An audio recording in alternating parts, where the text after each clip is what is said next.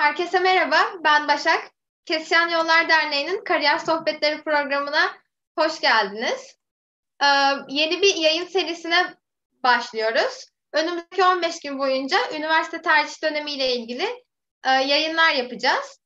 İlk konu Robert Kolej'de yurt içi kariyer danışmanı Mehtap Kaya. Mehtap Hanım merhaba, hoş geldiniz. Merhaba, hoş bulduk. Nasılsınız?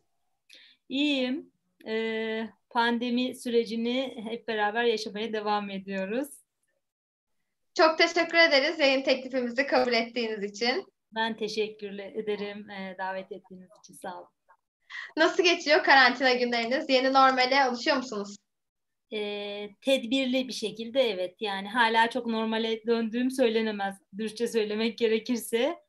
E, o tedirginliğimiz hala devam ediyor. Ee, e, ben ilk sorumla başlamak istiyorum. Sizin söylemek istediğiniz e, bir şey yoksa sizi biraz tanıyabilir miyiz? Ee, ne yapayım? Şey eğitim hayatımla başlayayım. İş hayatımdan Tabii. bahsedeyim birazcık. Ee, çok uzun e, yıllardır e, üniversite sınavına hazırlanan gençlerle çalışıyorum. Ee, bir şekilde bu benim kariyer yolum oldu. Başlangıçta tesadüfen oldu diyebilirim ama sonrasında e, gerçekten e, bunun bir ihtiyaç olduğunu da gördüm. E, mesleğe başlayalı 20 3-24 yıl oldu sanıyorum. E, üniversiteyi bitirdikten sonra e, bir dershanede çalışmaya başladım. E, ve sınav hazırlık süreci öğrencilerin o dönemde karşıma çıktı. Ama hani çoktan seçmeli sınav e, gerçeği Türkiye'nin bir gerçeği olmakla beraber bir yandan da e, aslında kariyer yolculukları öğrencilerin dikkatimi çekmeye başladı. Dershaneden sonra e, bir okulda çalışmaya başladım, özel bir okulda.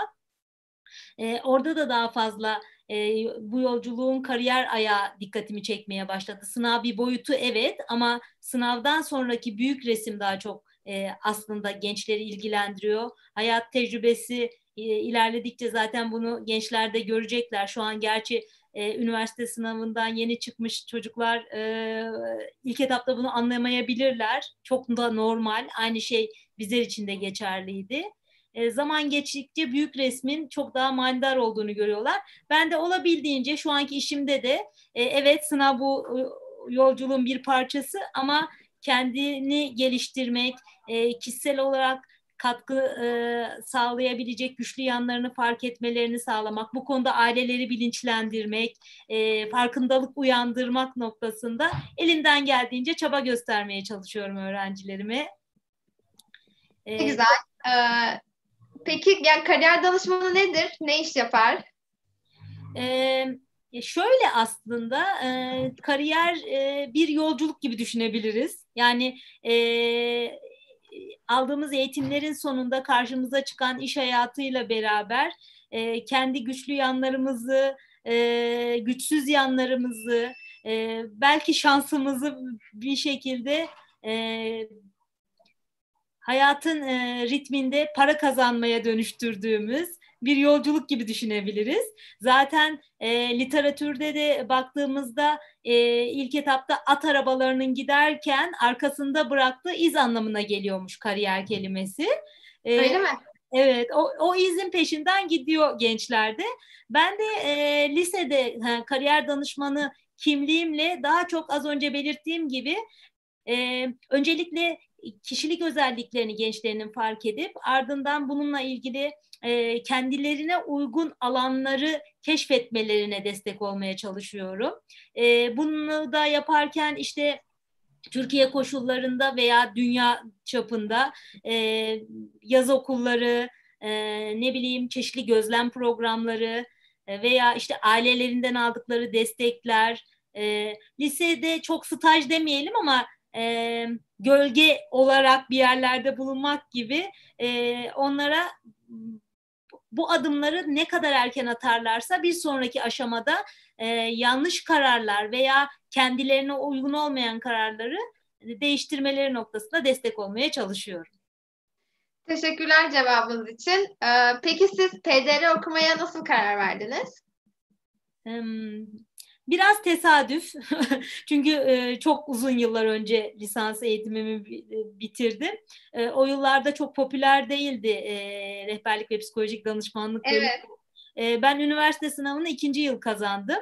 E, ilk yıl e, Kazanamadım çünkü yanlış tercih yapmıştım. Yanlış tercihle kastım da şu, güçlü olmadığım alan, e, fen matematik alanından sınava hazırlandım. Ve bunu fark ettiğimde o zamanlar e, 1990'ların başı 91'di. E, sınava bir ay vardı ve ben artık çok gecikmiştim. Tabii ki akademik olarak başarısız oldum. İkinci yıl tekrar dershaneye gittiğimde oradaki dershane rehber öğretmenimden çok etkilendim. Eee onun bölümü benim için e, düşünülebilecek bölümler arasına geldi ama e, biz o yıllarda tercih yaparken tercih listemizi sınava girmeden önce veriyorduk. Yani rastgele yazıyorsunuz işte bir, bir yerde hukuk var, altında turizm işletmeciliği var, onun altında rehberlik ve psikolojik danışmanlık var. Böyle dengesiz bir tercih listesi. E, o tercih listesinde bayağı tesadüfen rehberlik ve psikolojik danışmanlık bölümü de vardı ve o bölüme yerleştim. E, hatta e, bu yıl yapılan bir sempozyumda da bahsettim bundan. E, o dönem mezun olan arkadaşlarımın çoğu da bilirler. E, bize daha çok turizm rehberliği okuyoruz e, algısı vardı etrafta. Hani turist rehberi olacağımızı düşünüyorlardı etraftaki kişiler. E, o yüzden çok da bilinçli olmadan e, okumuş oldum aslında rehberlik ve psikolojik danışmanlık bölümünü. Ama şu an seviyorsunuz galiba işinizi. Tabii tabii. Sev, sevmesem zaten bu kadar e, bu noktada da kalmazdım bence. Hatta şeyde sorguluyorum. Niye sadece gençlerin üniversite sınavına hazırlık sürecinde veya e, gelecekleriyle ilgili karar verme noktasında ben buradayım diye. Bunu e, bu soruyu kendime defalarca sordum. Muhtemelen ben kendim almadığım o danışmanlık sürecinin e, far, düşük farkındalığı e, bilinçli olarak etrafımda dokunabildiğim kadar çok kişiye dokunarak onların daha kendileriyle ilgili doğru kararlar almasını sağlamaya çalışıyorum.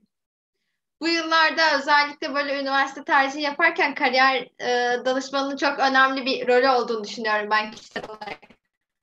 Ee, yani şu andaki gençler bence çok daha şanslılar tabii ki. Çünkü eskiden e, çok yaygın değildi. Hani bizim e, yaptığımız işi yapan e, kişi sayısı çok fazla değildi. Son yıllarda bu bölüm de zaten çok popüler oldu. Puan sıralaması da çok yukarıya çıktı.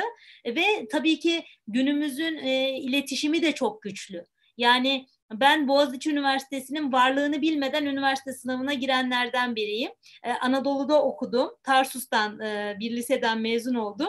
E, benim bildiğim tek e, iyi üniversite e, Ankara, Tarsus'a yakın olduğu için Orta Doğu Teknik Üniversitesi'ydi. Bilinçsizlik e, çok yüksek boyuttaydı ama şu anda hem üniversiteler bu noktada çok iyi çalışıyorlar hem de gençlerin zaten farkındalıkları çok yüksek ve teknoloji zaten Hani parmağınızın ucunda kampüs ziyareti yapabiliyorsunuz, sorularınıza cevap alabiliyorsunuz. Üniversitelerin hem devlet üniversitelerinin hem vakıf üniversitelerinin tanıtım birimleri bu noktada çok iyi çalışıyorlar. Sizler gibi gençler akran danışmanlığı noktasında gençlere çok büyük e, destek sağlıyorsunuz. Bunların hepsi bugünün koşullarında büyük şans. Gerçekten büyük şans. Tabii. Ee, peki yani aslında PDR'nin de son zamanlarda çok popüler bir bölüm olduğunu siz de söylediniz.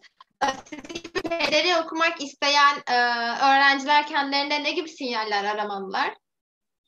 Ee, hani hep şey vardır ya arkadaşlarım anlatıyor ben dinliyorum ben psikolog olmalıyım iyi bir e, danışmanlık becerisi var e, bende gibi düşünüyor gençler bu, bu mesela bir işaret hani dinleme becerisi bence çok anlamlı e, ve hani o benim farkında olmadan yola çıkarken e, bilmediğim kendimle ilgili ihtiyacımı başkalarına destek olarak vermek gibi bir özellik de mesela e, dikkate alınabilecek unsurlardan bir tanesi. Yani e, genelde ben e, Doğu Anadolu'da farklı projelerde öğrencilerle bir araya geldiğimde meslek seçiminde, bölüm seçiminde onlara e, kendilerini yakın hissettikleri, e, empati kurdukları öğretmenlerini veya etrafında gördükleri meslekleri rol model aldıklarını belirtiyorlar. E, bu tarz iletişimlerde etraflarında gördükleri örneklerden gençler e, bir şekilde kendilerini iletişim becerileri güçlü, e, diyalogları e, açık iletişime açık e, bir görürlerse olabilir. Yani genel anlamda e, iletişim becerileri güçlü diyebiliriz. İnsanlarla çalışmayı sevmek e, en en temelde bu unsur var. E, çünkü meslek seçiminde insanlarla bir arada olmak bu noktada çok önemli. E, bir noktadan sonra tekrara düşüyor her meslek gibi bu konuda. E, yıllardır ben her üniversite sınavından önceki gece uykusuzluk yaşıyorum. E, genelde bir sen bir kez yaşanan bir durum. Hadi hayatınızda ikinci kez yaşarsınız. Ama bu sizin mesleğiniz olduğu zaman hani e, belki birebir aynı örnek değil ama doktorların her bebekten önce aynı doğum heyecanını yaşaması gibi benim de her e, üniversite sınavından önce aynı heyecanı yaşamam. O rutini, o tekrarı, tekrarı ve bir şekilde e, hayatınızın bir parçası haline getirmeniz lazım. Çünkü sevimli bir süreç değil. Yani sınav açısından söylüyorum sadece.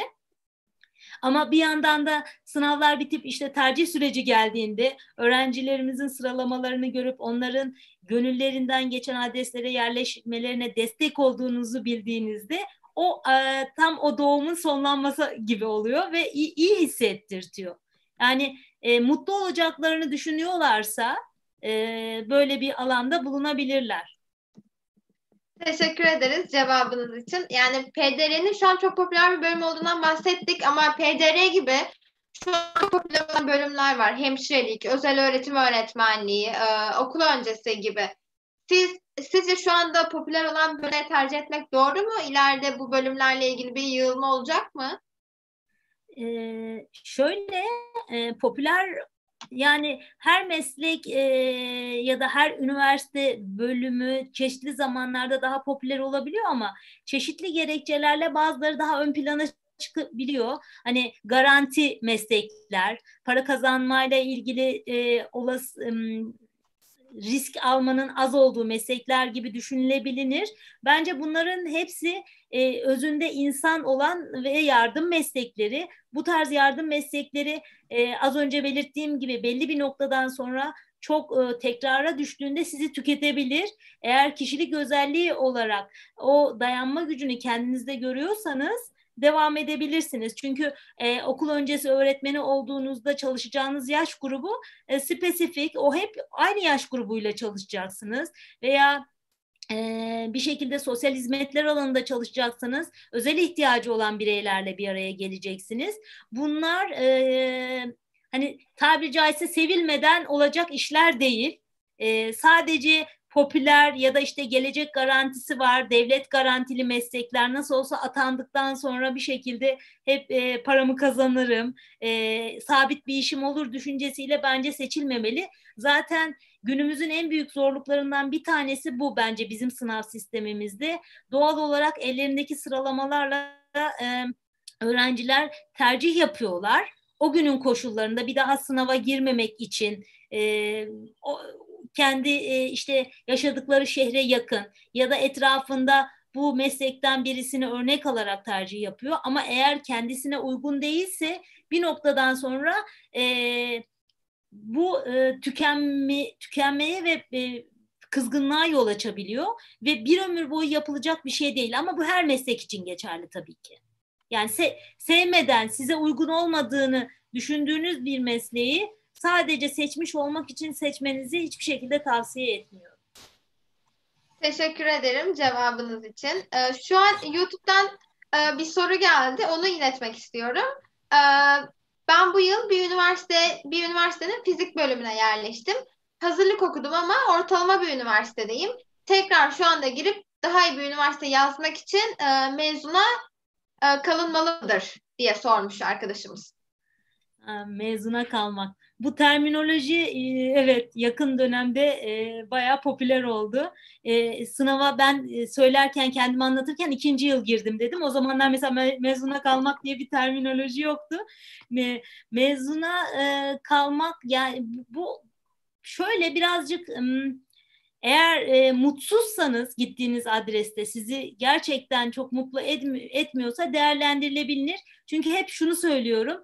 Hani hayatta bir ya da iki yıl kayıpmış gibi gözükse de büyük resimde e, aslında belki de kazanç. Hani başarı hikayelerini okuduğumuzda etrafta e, ya da işte kişiler kendi hikayelerini anlattıklarında e, yıllar sonra yeniden kariyer değişikliklerine gittiklerini, e, kendilerini mutlu ettikleri yeni adresler keşfettiklerini söylüyorlar.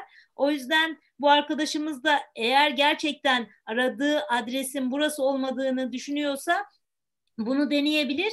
Bir de e, merkezi yatay geçişten ne kadar bilgisi var bilmiyorum ama geçen seneki e, puanıyla girebileceği, merkezi yatay geçişle geçebileceği başka bir üniversite alternatif bir bölüm varsa onu da değerlendirebilir.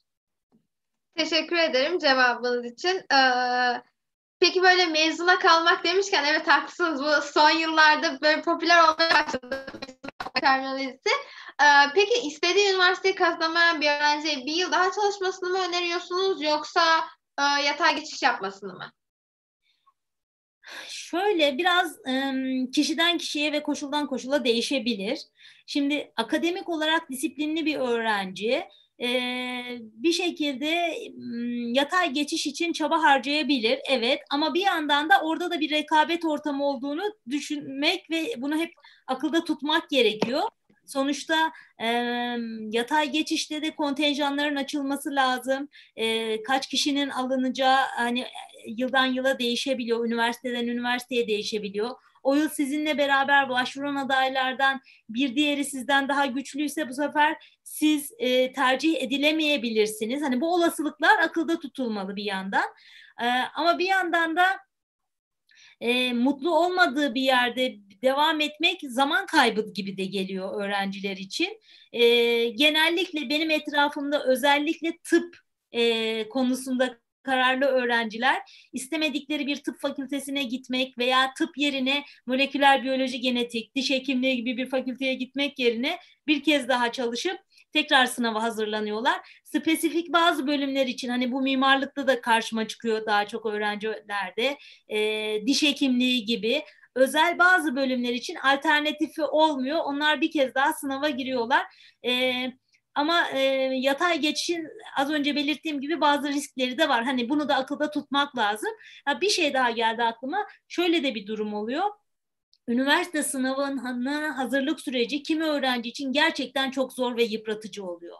O sınav sürecine bir daha girmemek adına bir üniversiteye gidip bir adres belirleyip o adresi üzerinden yatay geçişi zorlamak, sınava çalışmaktan, okul derslerine çalışmak çok daha e, ulaşılabilir ve gerçekçi bir hedef haline dönüyor. Çünkü üniversitedeyken kendini bir şekilde güvende hissediyor. Ama üniversiteye gitmeden bir daha sınava çalıştığında bu sefer yine o sınav barajını geçmek, o engeli geçmek, o kaygıyla e, yeniden bir seneyi daha geçirmek kolay değil. O yüzden bu biraz kişisel bir durum. Çok genel bir cevabı yok dürüstçe söylemek gerekirse. Yani e, üniversite sınavının hazırlık sürecinin ne kadar zor olduğunu söylediniz. Peki e, bu üniversite sınavına hazırlık süreçte psikolojik destek gerekli? Yani şöyle o biraz yine kişiden kişiye değişiyor. Eğer sınav hazırlık sürecini e, akademik olarak iyi yönetebiliyorsa bir öğrenci e, çalışmalarının karşılığını deneme sınavlarında işte ne bileyim e, yaptığı testlerde alıyorsa bir şekilde ekleğini bir noktada biçiyor. Ama orada birazcık sabretmek gerekiyor. Sınav hazırlık sürecinin lise son gibi ortalama lise son gibi dile getirirsek işte e, Ağustos'ta başlayan sürecin meyvelerinin neredeyse sınava bir ay kala Mayıs ayında ancak alabiliyorlar. O arada performansının yükselmemesinin e, sınav sonuçlarını henüz yansımamasının normal olduğunu görmesi lazım bir öğrencinin. E, sınav kaygısı deneme sınavlarında artmaya başladıysa, e, bir şekilde uykusuzluk olarak karşısına çıkıyorsa, e, e, ne bileyim e, bedensel olarak e, bazı şikayetleri varsa o noktada e, önce fizyolojik olarak kendisini bir kontrol etmeli.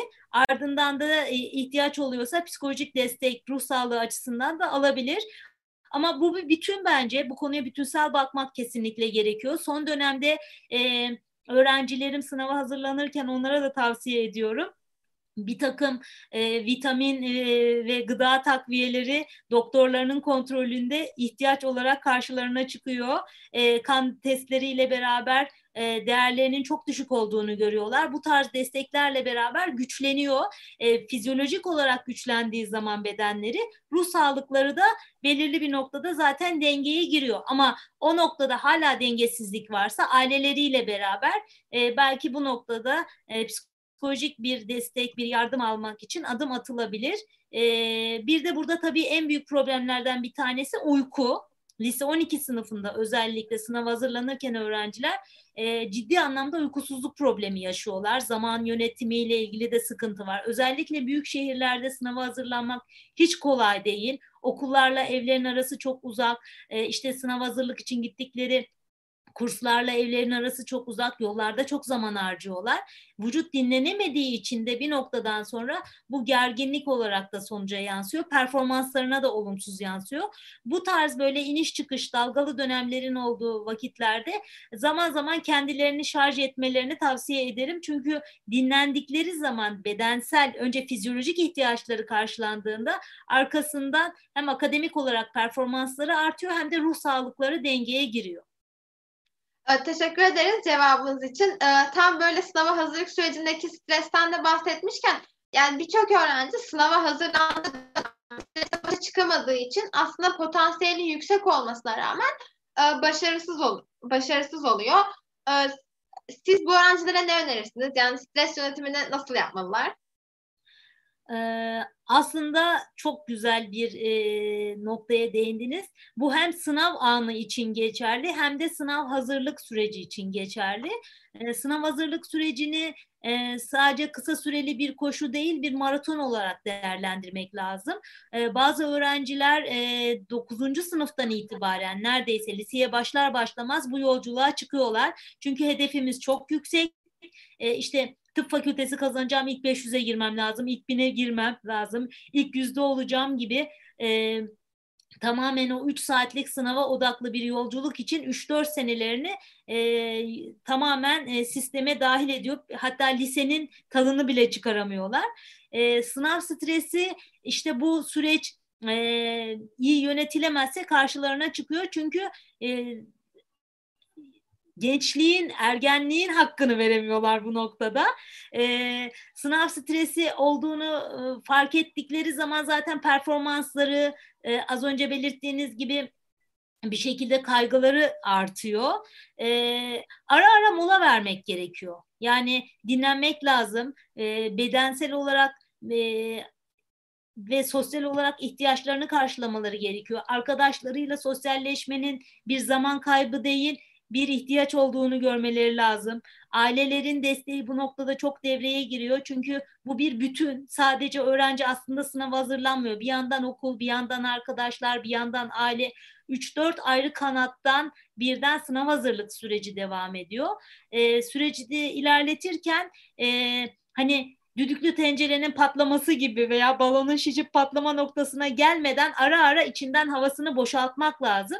O arada kayıp 2-3 günlük süreçler nefes almak, e, işte yürüyüş yapmak en temel ihtiyaçlar e, karşılarına çıkabilir. Ama kaygı ve stres seviyesinin yukarıya çıktığını fark ettikleri zaman bunlar bedensel olarak reaksiyona döndüğünde ne bileyim vücudunda döküntü olur, mide ağrıları olur, uykusuzluk gibi şikayetler olmaya başladığında az önceki soruyla da birleştirdiğimde hani e, o arada e, dozu arttıysa bir profesyonel destek almakta fayda var diye düşünüyorum. Hani basit basit e, çözümler kişisel olarak arada soluk almayla e, hayatı normalize etmeyle düzelebiliyor. Çünkü olağanüstüleştikçe, olağanüstüleştirildikçe kontrolden çıkıyor bu sınav süreci ne yazık ki.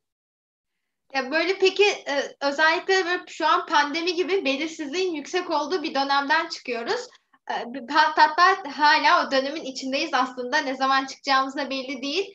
E, bu dönemde öğrencilerin aileler bu dönemde öğrencilere nasıl davranmalı? e, 2020 mezunları e, lise son düzeyinde sınava giren öğrenciler az önce söylediğiniz süreçten geçerek sınava girdiler aslında. E, bütün aile üyeleri beraberce e, evden dışarı çıkmadan yaklaşık e, özellikle Mart'tan sonra sınava hazırlandılar. Evet bir şekilde e, yeni yeni düzene hep beraber uyum sağlamayı başardık. Bizler e, hani kendi evlerimizde sınava hazırlanan aileler çocukların yanında oldular. E, bir ailelerin hani bu süreçte pandemi özelinde veya değil hani her koşulda e, destekleyici unsur olmaları çok önemli. Çünkü iyi niyetli söylemler kimi zaman hani yapabileceğine inanıyorum sen zaten bundan öncekini başardın bunu da başaracaksın tarzı söylemler bir noktada kaygıyı tetikleyen cümlelere dönüşebiliyor. Bunlar tamamen iyi niyetli söylemler bu arada. Tabii ki e, herkes kendi evladı için en iyisini ister veya e, en yapılabilir şeyi yapmaya çalışıyor. Hani annelerin kek poğaça desteklerinin yanı sıra e, o, o, o kişinin e, özelinde ihtiyaç neyse o şekilde destek sağlanabilir. Hani kimi e, öğrenci anne babasının e, yanında odada oturmasından çok memnun. Çünkü onun varlığı bana destek veriyor diyor. Ben orada testimi çözüyorum. Annem yanımda oturuyor. Hiçbir şey yapmıyor. Kitabını okuyor diyor. Bu o öğrenci için bir aile desteği olarak kabul edilebiliyor. Ama kimisi e, hani salonda ortak alanda aileyle beraber oturmayı tercih edebiliyor. E, ne bileyim test sorularını yaptıktan sonra beraber cevaplarına bakmak tercih edilebiliyor. Ama bazı e, öğrencilerde gölge etme başka ihsan istemez diyorlar. Ailelerinin hiçbir şekilde sürece dahil olmasını bu noktada istemiyorlar.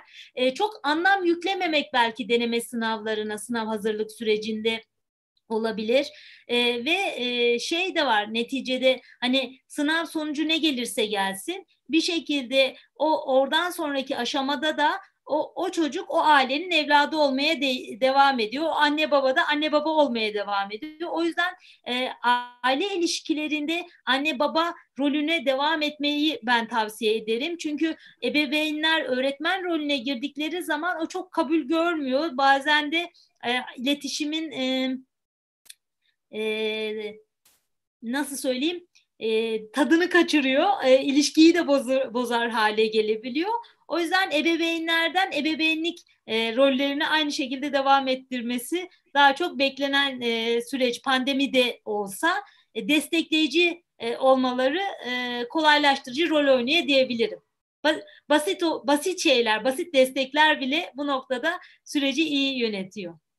Teşekkür ederiz cevabınız için. Ee, peki yani bir de pandemiden sonra e, öğrencilerin motivasyonunu yüksek tutmak da epey zor olacak. Yani özellikle yine potansiyel yüksek olmasına rağmen pandemi nedeniyle motivasyonu düşen ve e, istediği bölümü, istediği puanını kazanamayan, e, istediği puanı alamayan, çok özür dilerim, öğrenciler olacak. E, siz bu öğrencilere e,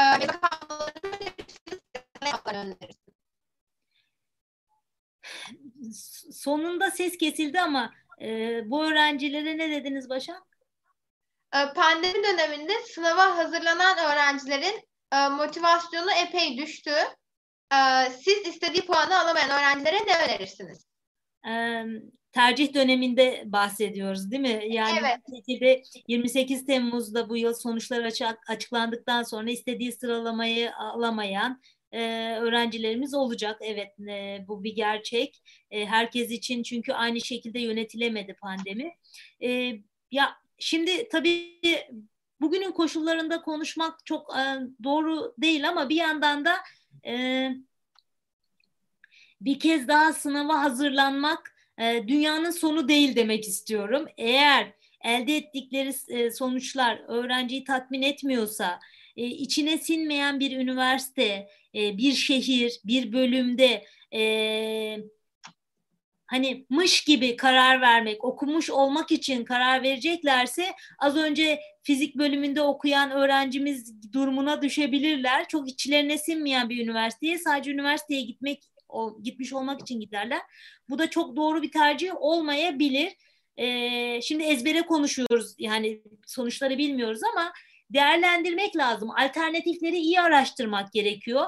Tercih döneminde üniversiteler e, online olarak danışmanlık vermeye, tanıtımlarını yapmaya devam edecekler. Türkiye'de çok fazla sayıda vakıf üniversitesi alternatifi var. Hani yıllar içerisinde e, üniversite sayımız arttı. O yüzden e, iyi araştırma yaptıktan sonra ama e, gerçekten kendilerinin hedefledikleri bölüme, kişilik özelliklerine uygun bölüm alternatiflerine baktıklarında eğer içlerine sinen bir yer yoksa e, bir kez daha e, sınava hazırlanılabilir. Ama şu da var, e, pandeminin ne kadar süreceği, sürecin nasıl devam edeceğini bilmiyoruz. Hani bir şekilde bu yılki yaşadıkları deneyimi de akıllarında tutarak bu kararı versinler. Çünkü bu ciddi anlamda bir hazır oluşluk gerektiriyor.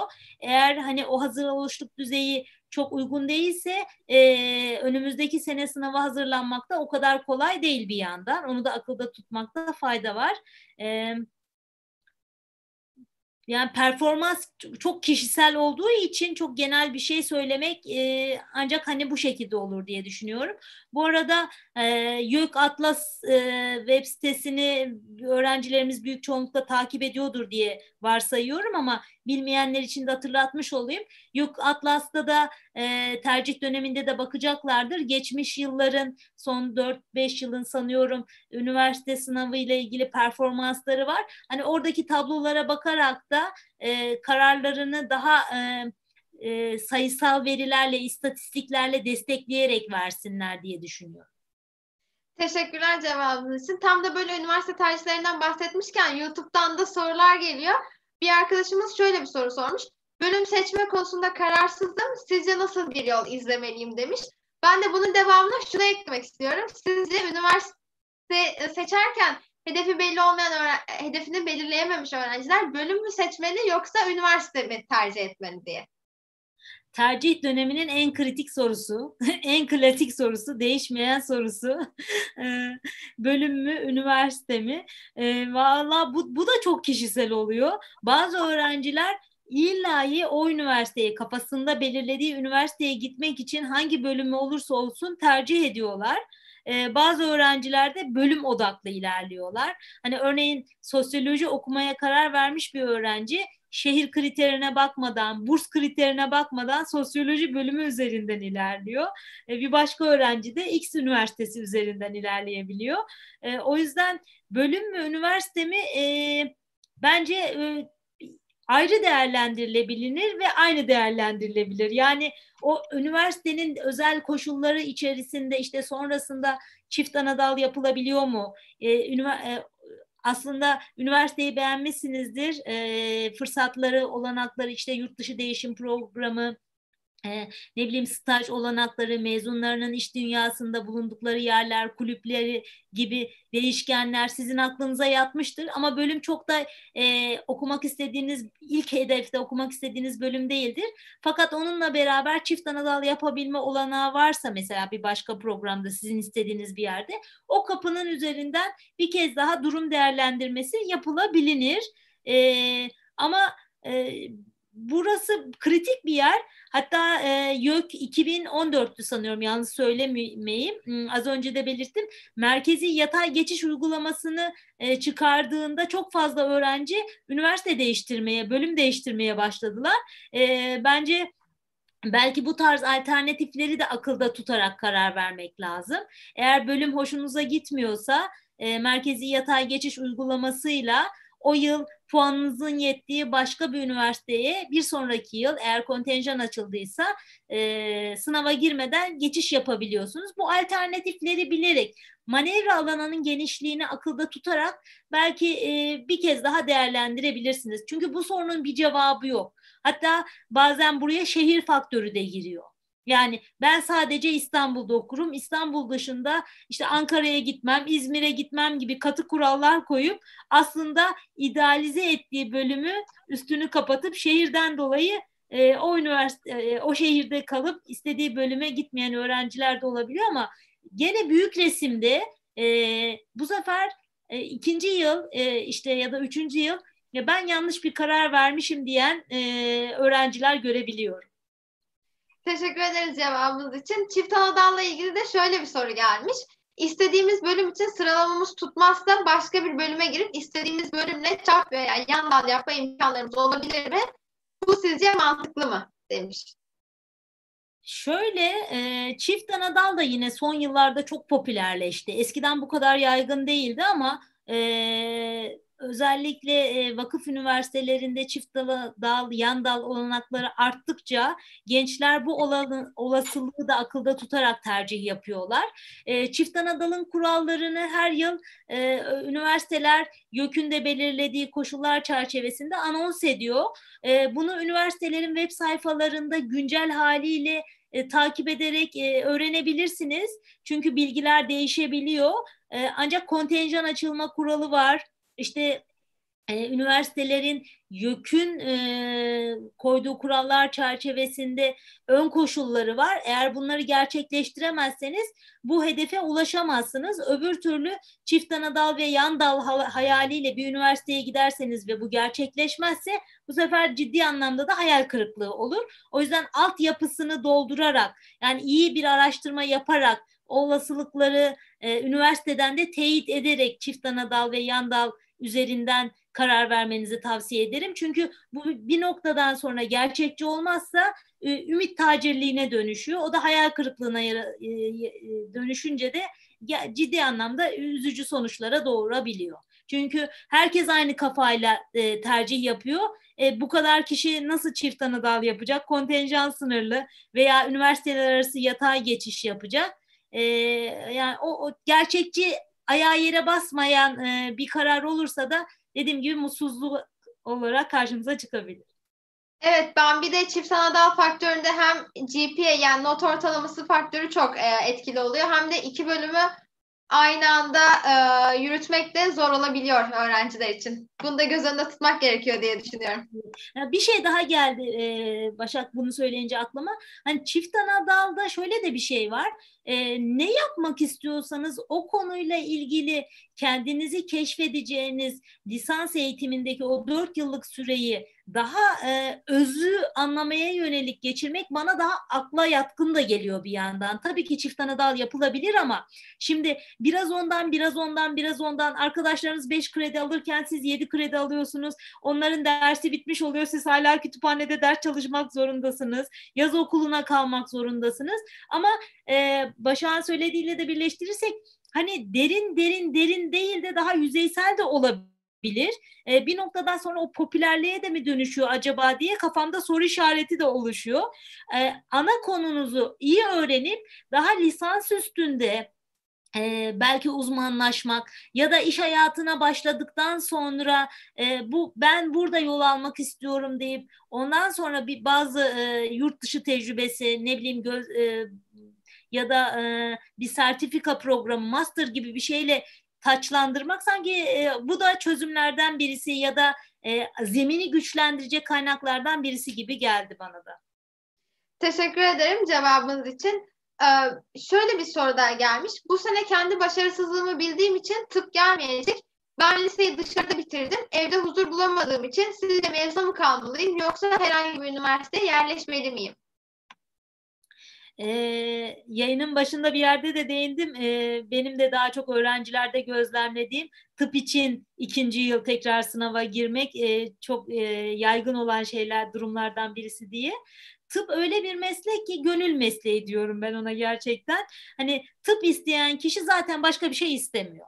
Yani tıp için genelde ikinci yıl bazen üçüncü yıl sınava hazırlanan öğrencilerimiz oluyor kolay bir e, süreç değil. Hani e, başarı sıralamalarına baktığımızda e, zaten baraj koşulu olan bir fakülteden bahsediyoruz. E, devlet tıp fakültelerinde de ortalama hani ilk 20 bini neredeyse buluyor başarı.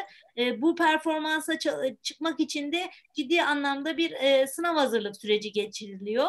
E, eğer bu yolu iyi yönetemediğinizi düşünüyorsanız kararınızda kesinlikle tıp okumaktan yanaysa e, bence bir yıl daha tıp için denenebilir. Genelde çünkü bu tıpta benim karşıma çıkan örneklerden birisi ee, iyi, iyi çalışan, ikinci yıl sınavın ne istediğini iyi anlayan bir öğrenci de hedefine benim gördüğüm genellikle ulaşıyor. Çok olağanüstü bir durum olmazsa. Teşekkürler ce- cevabınız için. Şöyle bir sorumuz daha var. Bölüm seçerken toplumsal beklentiler bizim yetenek ve isteklerimizin önüne geçebiliyor. Bu durumlarda nasıl bir yol izlemeliyiz? Ah, çok çok böyle tam tam nokta e, atışı. E, şöyle bir durum var. Aslında e, kariyer kuramlarına göre bizim e, 22, 23 neredeyse 24 yaşa kadar kendimizle ilgili keşiflerimiz, kendi kişilik özelliklerimiz, işte güçlü yanlarımız, mesleki olarak neye yatkın olduğumuzu anlama yıllarımız neredeyse 23-24'ü buluyor. Ama lisede üniversite sınavı hazırlık süreci, ne bileyim seçmeli dersler, bölümler gibi sebeplerle daha 16-17 yaşında karar vermek durumunda kalıyoruz. E, bir yandan da çevre faktörü var az önce arkadaşımızın da belirttiği gibi daha mesleki saygınlığı olan, gelecek e, de işte tırnak içinde garanti olduğu varsayılan bazı meslekler noktasında baskılar söz konusu oluyor. Şimdi orada birazcık tabii koşullar kişiden kişiye, aileden aileye değişebiliyor. Bazı işte arkadaş çevresi, aile çevresi e, öğrencilerin hedeflerine ulaşmaları için daha fazla baskı yapabiliyorlar e, gön, gönlümüz hani gerçekten kişi ne istiyorsa onu yapsın yönünde. Çünkü neyi yapmak istiyorsanız arkasından mutluluk geliyor. Mutluluk geldikçe başarı geliyor. Başarıyla beraber de zaten emek karşılığını buluyor. Ama mutsuz olduğunuz bir şeyde performans üretemiyorsunuz ve e, bu başarıya da dönüşmediği zaman huzursuzluk ve maddi olarak kazanca da dönüşmüyor. Bir kısır döngü kendi içinde dolaşıyor. O yüzden e, gerçekten yapmak istediğinizi gerekçeleriyle beraber e, zihninizde iyi oturtursanız ben e, gönlünüzden geçenin peşine gitmenizi tavsiye ederim. Çünkü yeni kuşakta özellikle yeni jenerasyonda e, bir noktadan sonra e, özü, gerçekten size uymayanı bırakıyorsunuz. Yani okuduğumuz kaynaklar da bunu gösteriyor, örnekler de bunu gösteriyor. Ee, bizim gibi çok uzun yıllar, 20-30 yıl aynı işte kalmayacak sizin jenerasyon. Belki 5-6 yıl sonra başka bir işe geçeceksiniz. 5-6 yıl sonra hayır bu bana uygun değilmiş deyip başka bir e, kariyer yolculuğu seçeceksiniz. E, hayat tarzı seçeceksiniz. O yüzden e, etraftan size gelen duyumları dinleyin akıl süzgecinizden geçirin ama aklınıza yatmıyorsa, aklınıza yatmayan bir şey bir noktadan sonra zaten gerçekçi olmaz. E, benim naçizane tavsiyem aklınıza yatmayan şeyleri e, çok da böyle gerçekçiymiş gibi kabul etmeyin diye düşünüyorum. Çünkü sonradan pişmanlıklar oluyor. sonra da telafisi oluyor, oluyor ama zaman kaybı oluyor. Peki siz lise çağındaki öğrencilere kendilerini keşfetmeleri için ne yapmalarını öneriyorsunuz? Ee, şöyle aslında eskiden e, bu birazcık daha kısıtlıydı Türkiye'de. Şu anda çok fazla e, yaz okulu var. Ee, ben çok memnun oluyorum. Hem devlet üniversitelerinde hem de vakıf üniversitelerinde yaz okulları, yaz araştırma programları çok yaygın. Ee, birçok okulda, birçok öğrenci e, bunlara katılıyor. Bu çok büyük bir artı. Gözlem yapıyorlar. Ee, gözlem çok önemli. Hani aile büyüklerinin yanında, akrabalarının yanında e, ortamı deneyimliyorlar. Bunlar bizim eskiden üniversite yıllarında hatta neredeyse üniversiteyi bitireceğimiz zaman yaptığımız şeylerdi. Şimdi erkenden yapıp bu bana ne kadar uygun, ne kadar uygun değil sorgulama fırsatı yaratıyor. Hatta buna yurt dışı eğitimini de ekleyebiliriz. Üniversite eğitimini yurt dışında mı alacağım, Türkiye'de mi alacağım? Ee, bunun için mesela yurt dışında yaz okuluna gidiyor öğrenci. Ben bu ülkede yaşayamam. Bu kadar e, ailemden ayrı kalmak, ülkemin yemeklerinden ayrı kalmak bana uygun değil deyip kararını değiştirebiliyor. O yüzden ben e, gözlem, yaz okulu gibi e, e, topluma hizmet projeleri gibi çalışmaların işte liselerde de çok yaygın artık çok farklı kulüpler var. Kulüp çalışmalarında yer almanın çok önemli olduğunu düşünüyorum. Çünkü her biri bu çalışmaların her biri kendinizle ilgili bir keşif alanı yaratıyor size. Yani bir sosyal sorumluluk projesine gidip çocuklarla çalışan bir öğrenci, ay ben çocuklarla çalışmayı hiç sevmiyordum ama burada fark ettim ki onlarla birlikte vakit geçirebiliyormuşum. Bu bana eğlenceli geldi. Bu yönümü keşfettim. İnsanların olduğu bir işte çalışabilirim, insana dokunan, insana temas eden bir işte çalışabilirim deyip perspektifini değiştirebiliyor. O yüzden e, yani şu an e, teknolojiyle beraber e, eğer kendi okullarında yoksa başka okullarda e, ki çoğunlukla var bu arada başka okullarda bir araya gelip başka akranlarıyla e, çalışabilirler. Sizin dernek bu noktada çalışmalarınızı takip ediyorum. Gençlere süper ışık tutuyor. E, web siteniz aracılığıyla zaten veya işte e, sosyal medya hesaplarınızdan onları da takip edebilirler e, dinlemek lazım. E, üniversitelerin e, tanıtım birimleri bu noktada çok iyi çalışıyorlar. Akademisyenler okullarda, üniversite fuarlarında e, öğrencilerle bir araya geliyorlar. Yani sosyal medya zehir gibi bir kaynak. O yüzden araştırmalarını lise düzeyinde çok çok çok tavsiye ediyorum. Çünkü ne kadar bana uygun değili keşfederlerse arkası o kadar iyi geliyor. Çünkü bir şeyin üstüne çarpı attığınızda e, bunu aa ben bunu düşünmemiştim demiyorsunuz.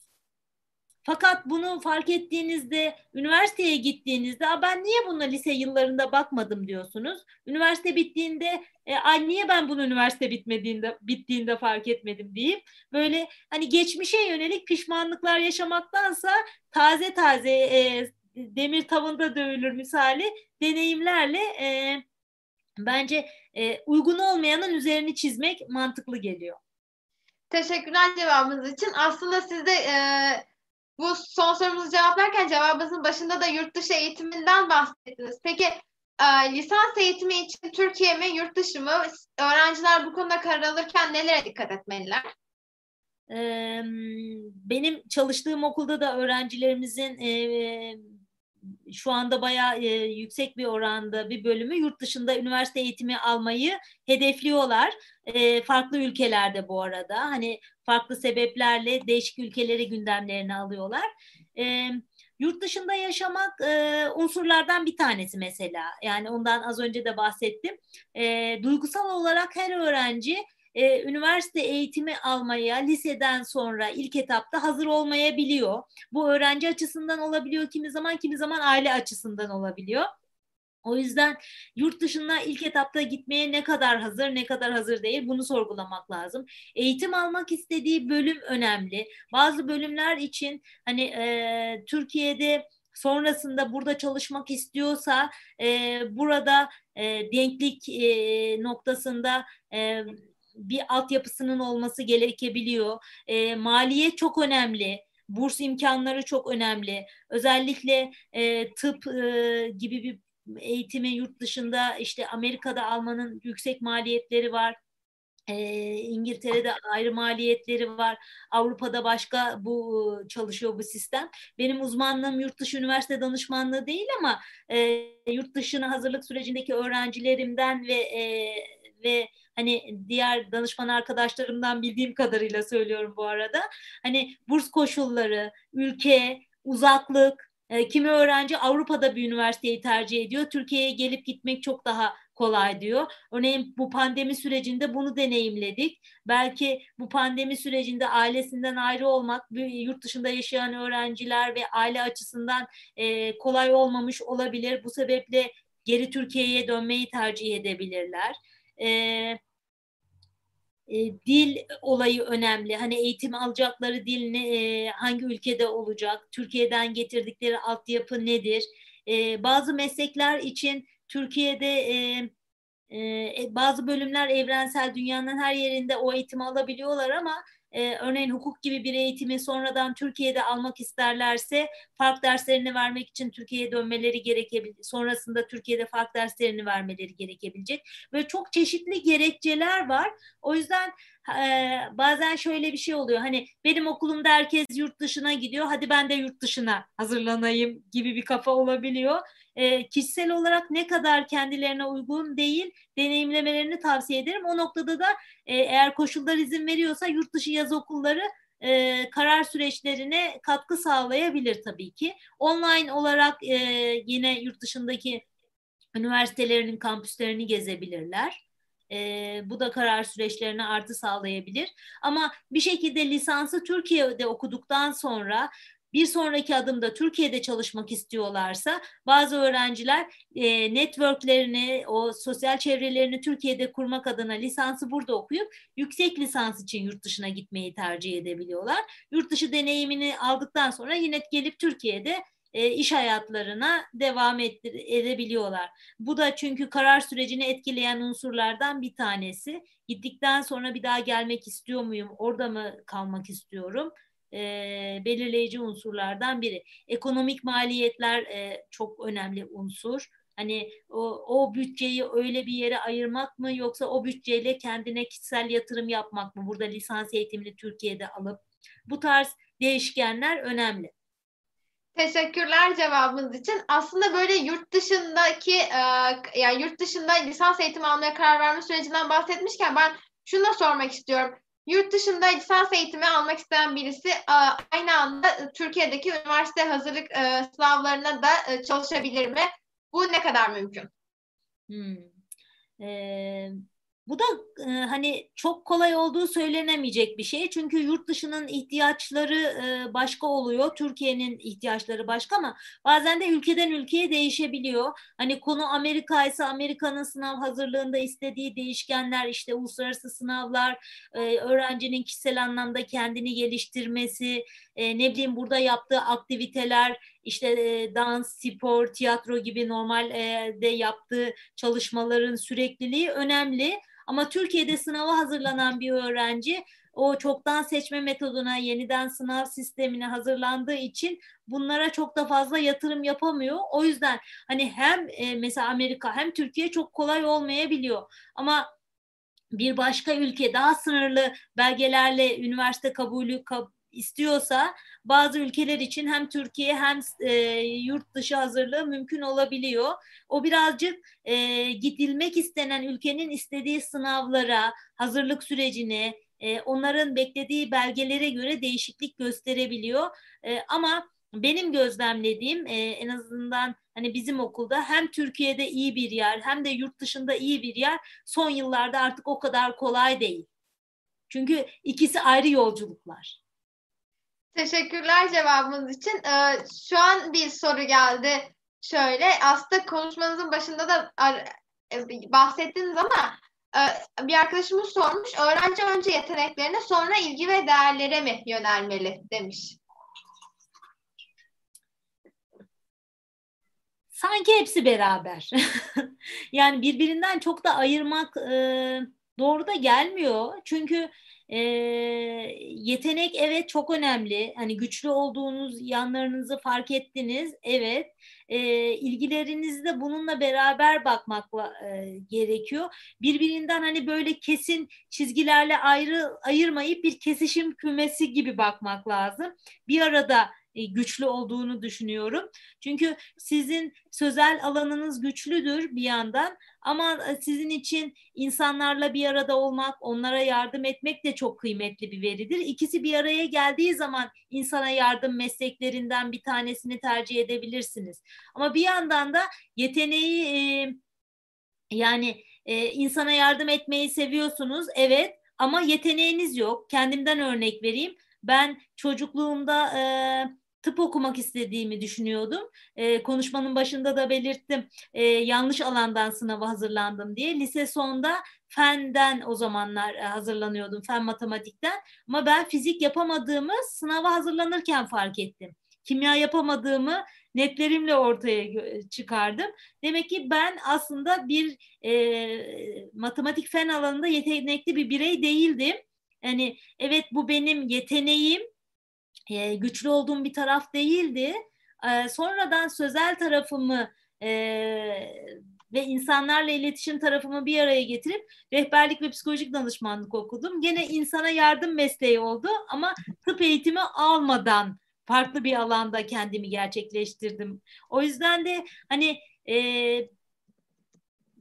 bir yelpazeye bakarmışçasına alternatifleri de böyle gözden geçirerek belki değerlendirmek lazım. Bütünsel bakmak o noktada önemli. Ee, hani tek bir pencereden bakınca tıkanabiliyorsunuz. Teşekkürler cevabınız için. Ee, bir de şöyle bir soru geldi az önce. Üniversite ve bölüm, bölümümden memnunum ama bu konuda önümde daha iyi seçenekler var. Yatay geçiş düşünmeli miyim yoksa bulunduğum üniversitede daha ileri gidebilir miyim demiş arkadaşımız. Ve bu soruyu soran arkadaşımız da Marmara Üniversitesi'nde okuyor. Ee, ve alternatifleri de değerlendirmekte her zaman fayda var. Çünkü e, bir sonraki adresin veya o alternatif olan adresin kendisi için belki çok daha farklı kapılar açacağını şu anda e, deneyimlemiyor. E, hani konuşmanın bir yerinde de belirtmiştim. Gitmek istediği yatay geçiş olan üniversitelerin yurt dışı olanakları, dediğim gibi staj olanakları, hani alternatifler nelerdir bir, bir bakmakta fayda var. E, bir vakıf üniversitesi ise geçmek istediği alternatif burs kriteri var mı yok mu onu değerlendirebilir. Çünkü e, sonuçta bir üniversiteye ayıracağınız maliyeti sonrasında e, okuduğunuz bölüme ve e, işte kendi kişisel gelişiminiz için e, yatırıma da dönüşmeyi dönüştürmeyi tercih edebilirsiniz. E, bir noktadan sonra aslında e, bunu birkaç gündür çok sık tekrarlıyorum sınavdan çıkan öğrencilerimiz için de aslında devreye hayat şansı da giriyor açıkçası. E, öyle bir karşılaşma yaşarsınız ki öyle bir e, şekilde hayat rotanız değişir ki orada okuduğunuz üniversitenin bölümün e, size getireceği fırsatlar bambaşka bir adrese yönelebilir. Ama e, başvurusunu yapabilir e, çift ana dalda e, şey ya da yatay geçişte yanlış söyledim pardon. Yatay geçiş alternatifinde sonuca göre belki bir daha değerlendirebilir. Çünkü şu anda başvuru yapıp sonucunu almadı arkadaşımız. Belki de zaten e, çıkacak sonuç onun e, o okulunda kalmasına devam etmek yönünde de olacak. Teşekkürler cevabınız için. Ee, bizim sorularımız bu kadardı. Sizin söylemek istediğiniz, eklemek istediğiniz başka bir şey var mı? Ee, şöyle hani tercih süreci yaklaşıyor. Tercih süreci yaklaşırken o kısacık süre yaklaşık işte 10 gün mü olacak, 12 gün mü olacak şu an bilmiyoruz ama e, daptaracık bir zamanda öğrenciler karar vermek isterken sınavdan daha büyük bir baskı hissediyorlar üzerlerinde. Ki, sınava çalışmak bundan daha kolaymış diyorlar. Genellikle söyledikleri bu yönde oluyor. Hmm, o dönemi e, geçirirken tavsiyem ne olur alternatifleri e, araştırsınlar e, her kafadan bir ses çıkacak. Herkes deneyimlerini paylaşacak. Mesleğini seviyorsa olumlu yönlerinden bahsedecek. Sevmiyorsa olumsuz yönlerinden bahsedip kötüleyecek. E, sabah yatacak başka bir karar verecekler. Akşam kalkacaklar başka bir karar verecekler. Çok zor bir süreç. E, karar vermek açısından kararlı öğrenciler için çok sıkıntı olmayacak ama kararsızlar açısından söyleyeceğim. Alternatifleri lütfen iyi araştırıp e, içinize sinen e, bir şekilde tercih yapın. Eğer e, bu yıl e, olmadıysa olmamış olabilir çeşitli sebeplerle. Eğer hazır hissediyorlarsa kendilerini bir sonraki yıl sınava hazırlanmayı da kayıp gibi görmesinler. E, ama tabii kişi özelinde ve e, bireysel koşullarda tekrar değerlendirmek lazım. Umarım e, herkes gönlünce istediği yere yerleşir. Emekleri karşılığını bulur diyelim. Mehtap Hanım çok teşekkür ederiz yayınımız, yayınımıza katıldığınız için tekrardan. Ben çok teşekkür ederim beni e, davet ettiğiniz için. Umarım yardımcı olabilmişimdir. Sağ olun. Ee, bizi izleyen herkese çok teşekkür ederiz. Ee, videonun sağ alt köşesindeki subscribe'a tıklayıp kanalımızı takip etmeyi unutmayın. Ee, lütfen geri bildirimlerinizi hem chatte paylaştığımız hem de videonun altındaki linkte paylaştığımız geri bildirim anketinden de bizlere iletin. Tercih serimiz 15 gün boyunca devam edecek. Yarın da elektrik elektronik mühendisliği mi, bilgisayar mühendisliği mi diye bir yayın yapacağız. Yayında e, Berfin Şimşek ve Hikmet Demir konuğumuz olacak. Ee, yarın görüşmek üzere. Hoşçakalın.